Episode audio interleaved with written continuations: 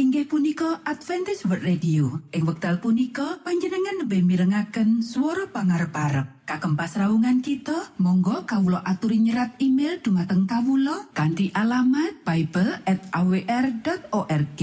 Utawi panjenengan ki saged layanan kalian kawulo lumantar WhatsApp kanti nomor plus setunggal saget layanan kalian kawulo kalh kalh sekawan kalh kalh kalih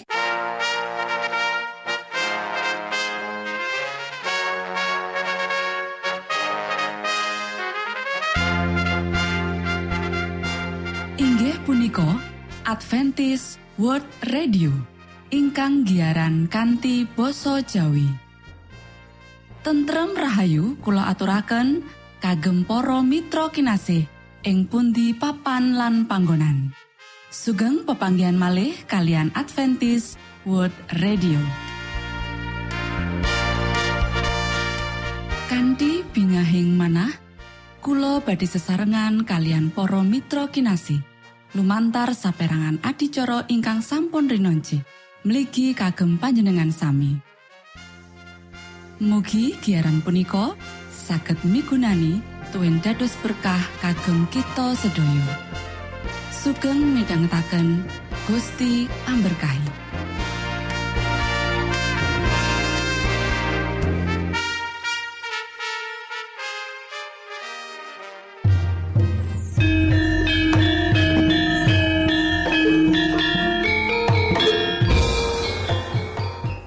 Para pamirsa kinasih ing Gusti Yesus Kristus.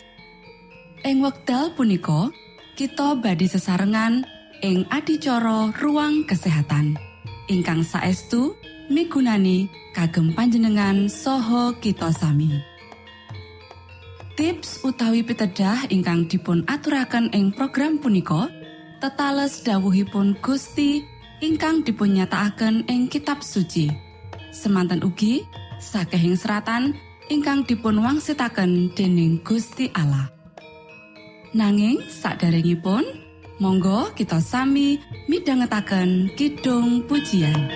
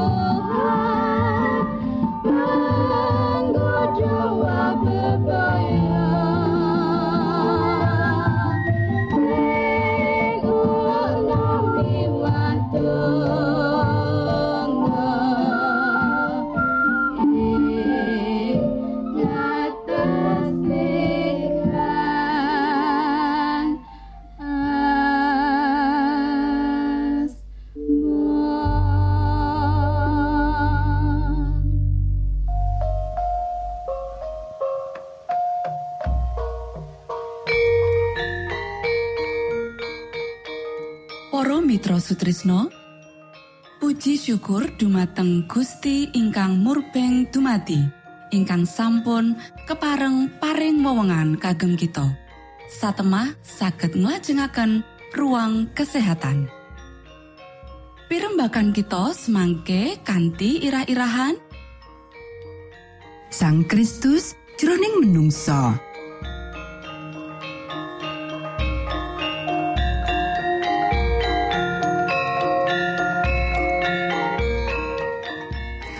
Dumateng para pamiarsa ingkang dahat kinurmatan, sugeng pebanggian malih kalian kula Isti Kurnaidi ing adicara ruang kesehatan.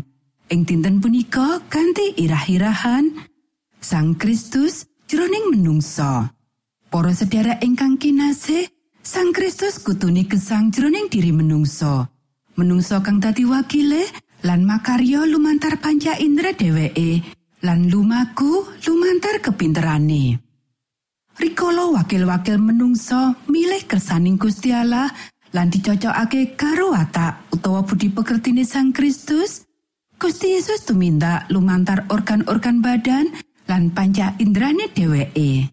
Roh Kristus kudu nguasani organ badan kanggo wicara, organ badan kanggo kasantosan mental, lan organ badan kanggo kasantosan fisik lan moral. Para sedherek ingkang kinasih, badan kita iki dudu duweke kita. Temahan kita nglakokake sak senenge ati. Nglumpukake dening padatan lan nuntun marang karusaan. Temahan gawe ora mungkin nyaosake pelatusan kang sampurno marang Gusti Allah. Panguripan lan kabeh kaprigelan kita kagungane Gusti Allah. Panjenengane ngrumat kita saben wektu, panjenengane gawe mesin urip iku tetep makaryo. Menawa kita ditokake nglakokake kanggo sewetara wektu, mulane kita mati. Kita gumantung marang Gusti Allah. Para sederek, iki sawijining kang ajaib. Gusti Allah nitahake menungso.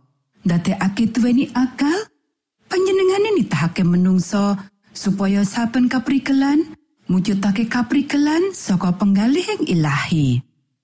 Kamulyan Gusti Allah kudu dipratelakake jroning nitahake menungso miturut gambare lan jroning panebusane. Siji jiwa luwih aji ketimbang sak donya.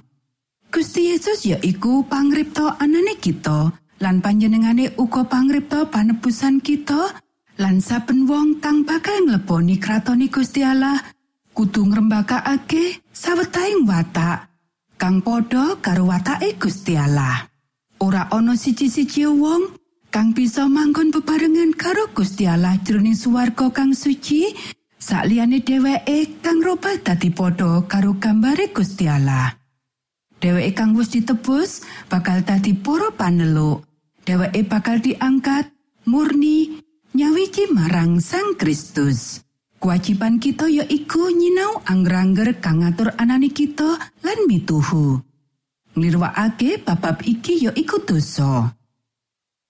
Awit mula buka, tetimbangan, pikiran menungso kudu lantip.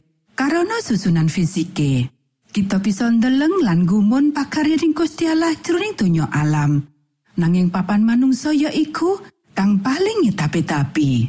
Para sedherek ingkang kinasih, pangerten praktis babakan ilmu pangerten panguripan manungsa iku perlu kanggo kaluhurane Gusti Allah jroning badan kita. Mula saka kuwi kang paling wigati ing antarane pasinon-pasinon kang dipilih kanggo wektu kanak-kanak, fisiologi mapan paling utama. Uga becik menawa fisiologi dikenalake ing sekolah-sekolah umum dadi pangpawiyatan. Kabeh anak kudu nyinaoni. Iki kudu ditompo lan landesan saka sakabehing usaha pawiyatan. Lan sak banjure wong tua nambahake praktek resike lingkungan. Iki bakal dadi pangertene migunani jroning praktek babagan fisiologi. Para sedherek ingkang kinasih, kita duweni tugas-tugas mligi. Kita kudu ngenal susunan fisik kita lan angger-angger kang ngatur panguripan alami. Sawetara basa Yunani lan Latin kang sabenere jarang digunakake, didadekake pasinaon marang wong akeh. Fisiologi lan karesian malah arang-arang dirembuk. Pasinaon kang menehi bahan pemikiran ya iku kang nyangkut panguripan alamiah sawenehing pangerten babagan awake dhewe. Oma papan ing kita mapan kang perlu kita rumat. Temahan kita bisa ngurmati Gusti Allah kang wis nebus kita. Kita perlu mangerteni kepiye ngrumat mesin urip, teman badan, jiwa lan roh kita bisa ngabdekake marang pelatusan Gusti Allah. Makhluk rasional, kita ganti cara nyedihake, nglalekake badan lan kabutuhane. Sanadyan sekolah-sekolah kang wis kita atekake, wis nyinaoni fisiologi, nanging dheweke durung gunakake tenaga kang kutune dheweke duweni. Dheweke ora mraktekake kanthi wicaksana apa kang dheweke tampa jroning pangerten lan ora nyadari menawa iku ora dipraktekake mula badan bakal rusak. Para sedherek ingkang kinasih, mesin urip iki kudu dimangerteni. Saben perangan saka mekanisme kang ajaib kudu kanthi cara teliti disinaoni. Matur nuwun, Gusti amberkahi.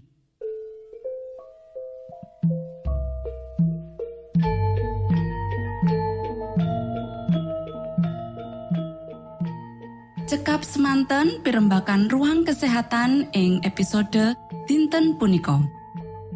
Ugi sampun kuatos jalaran kita badhe pinanggih malih ing episode sak lajengipun.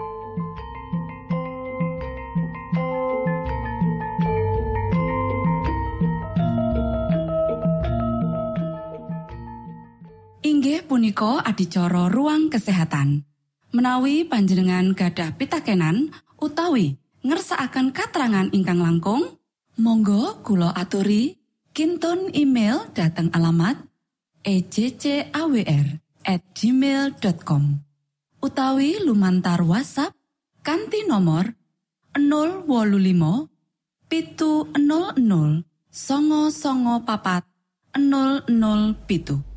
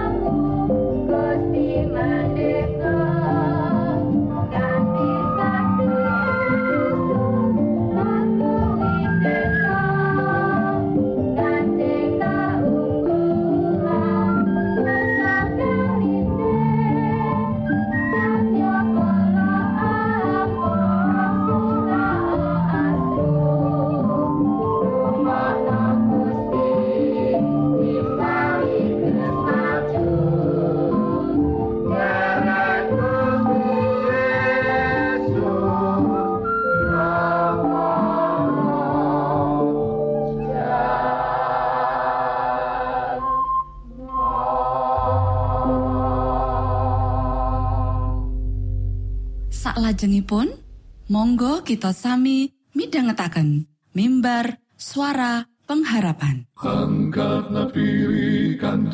pawarto Sang Kristus paderamu.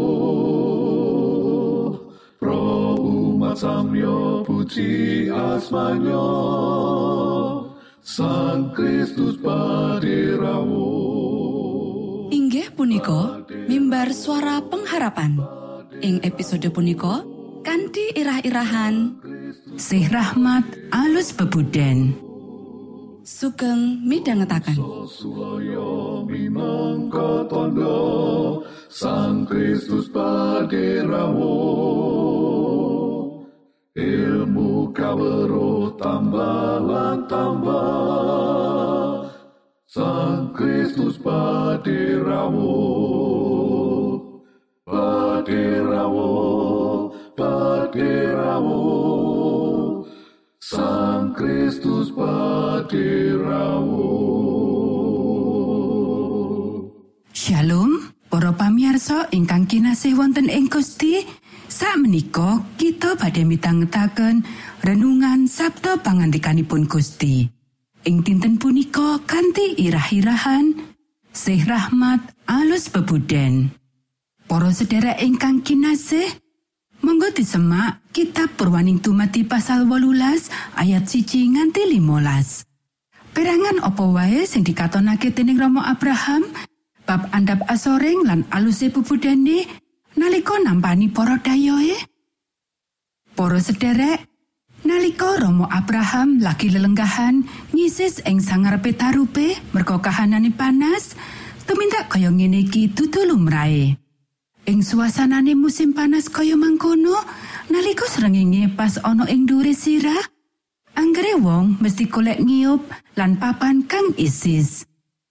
Nanging apa ya temen, Rama Abraham kuwi bisa nahan suasanane panas kanggo mbiyantoni sapa wae kang lewat. Sawetara Rama Abraham ana ing kono, panjenengane ningali ana telu pawongan. Sakmestine cunduk karo padatane, Rama Abraham kanthi aluse bubudene nawarake pinarak marang para tamune. Mula kuwi prakarsa saka pepanggian iku saka Romo Abraham. Purwaning tumati pasal 18 ayat loro lan telu. Bareng tengenge mirsa pria telu jumeneng ing ngarsane banjur muruki medhokake sarta sumungkem ing bumi karo matur. Duh para menawi kula manggih wonten ing ngarsa panjenengan, mugi tindak panjenengan sampun ngantos nglangkungi ingkang abdi. Para sederek ing ayat dhuwur banjur muruki medhokake sarta sumengkem ing bumi. Tegese Romo Abraham duweni prakarsa kanggo metuki malah sadurunge para tamu kuwi bakal nekani. Lan poin iki kang wigati sanget. Purwaning dumati pasal 18 ayat papat lan 5.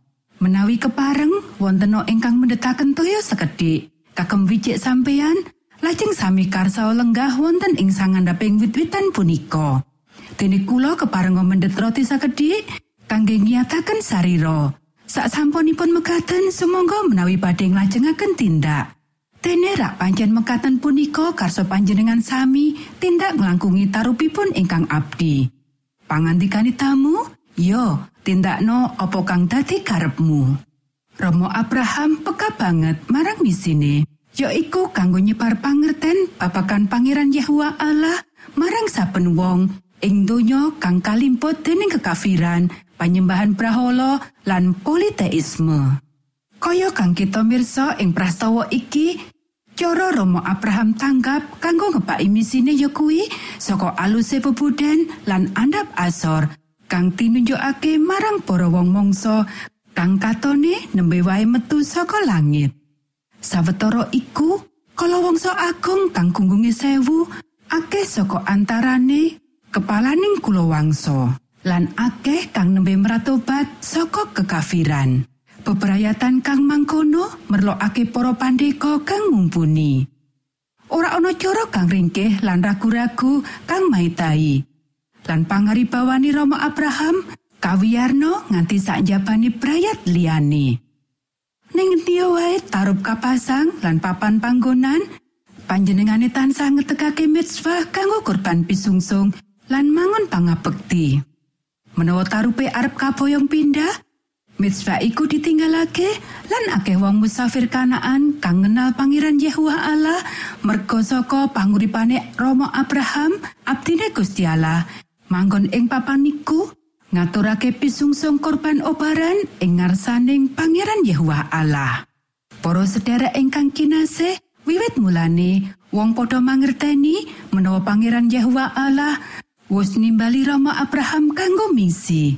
Lan lelungane ing tanah prajanjen mung plesiran nanging dadi berkah marang wong-wong sing ana ing kiwa tengene lan dadi berkah kanggo donya lumantar keturunane Monggo kita sami ndedonga Duh Rama kawula ingkang wonten ing swarga asma patuko mugi kasucikaken katon patuko mugi rawuh karsa patuko mugi kalampahan wonten ing bumi kados dene wonten ing swarga.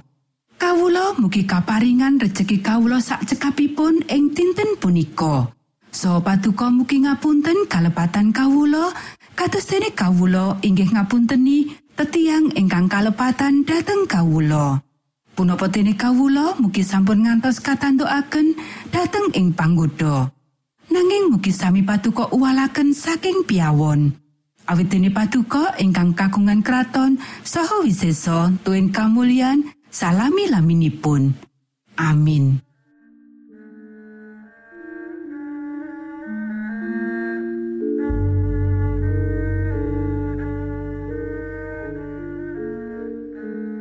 Mitra Sutrisno pamiarsa kinasih ing Gusti Yesus Kristus. Sampun paripurno pasamuan kita ing dinten punika. Menawi panjenengan gadah pitakenan utawi ngersaakan seri pelajaran Alkitab suara nubuatan Monggo Kulo aturi kinton email dateng alamat ejcawr gmail.com utawi lumantar WhatsApp kanti nomor 025 pitu 00 songo songo papat 00 pitu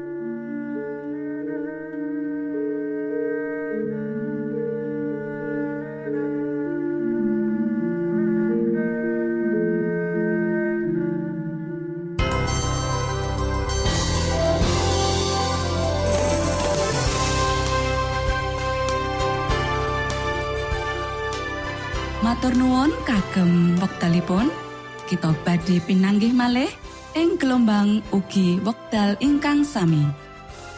Saking studio kula ngaturaken tentrem rahayu.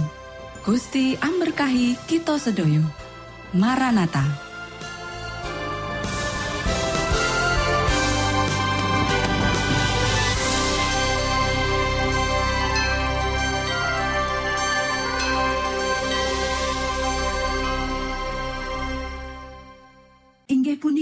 Adventist World Radio. Ing wekdal punika panjenengan lebih mirengaken suara pangarep-arep. Kagem pasraungan kita, monggo kawula aturi nyerat email dumateng kawula kanthi alamat bible@awr.org. Utawi panjenengan ugi saged layanan kalian kawula lumantar WhatsApp kanthi nomor plus setunggal saged layanan kalian kawula kalih kalih sekawan kalih kalih kalih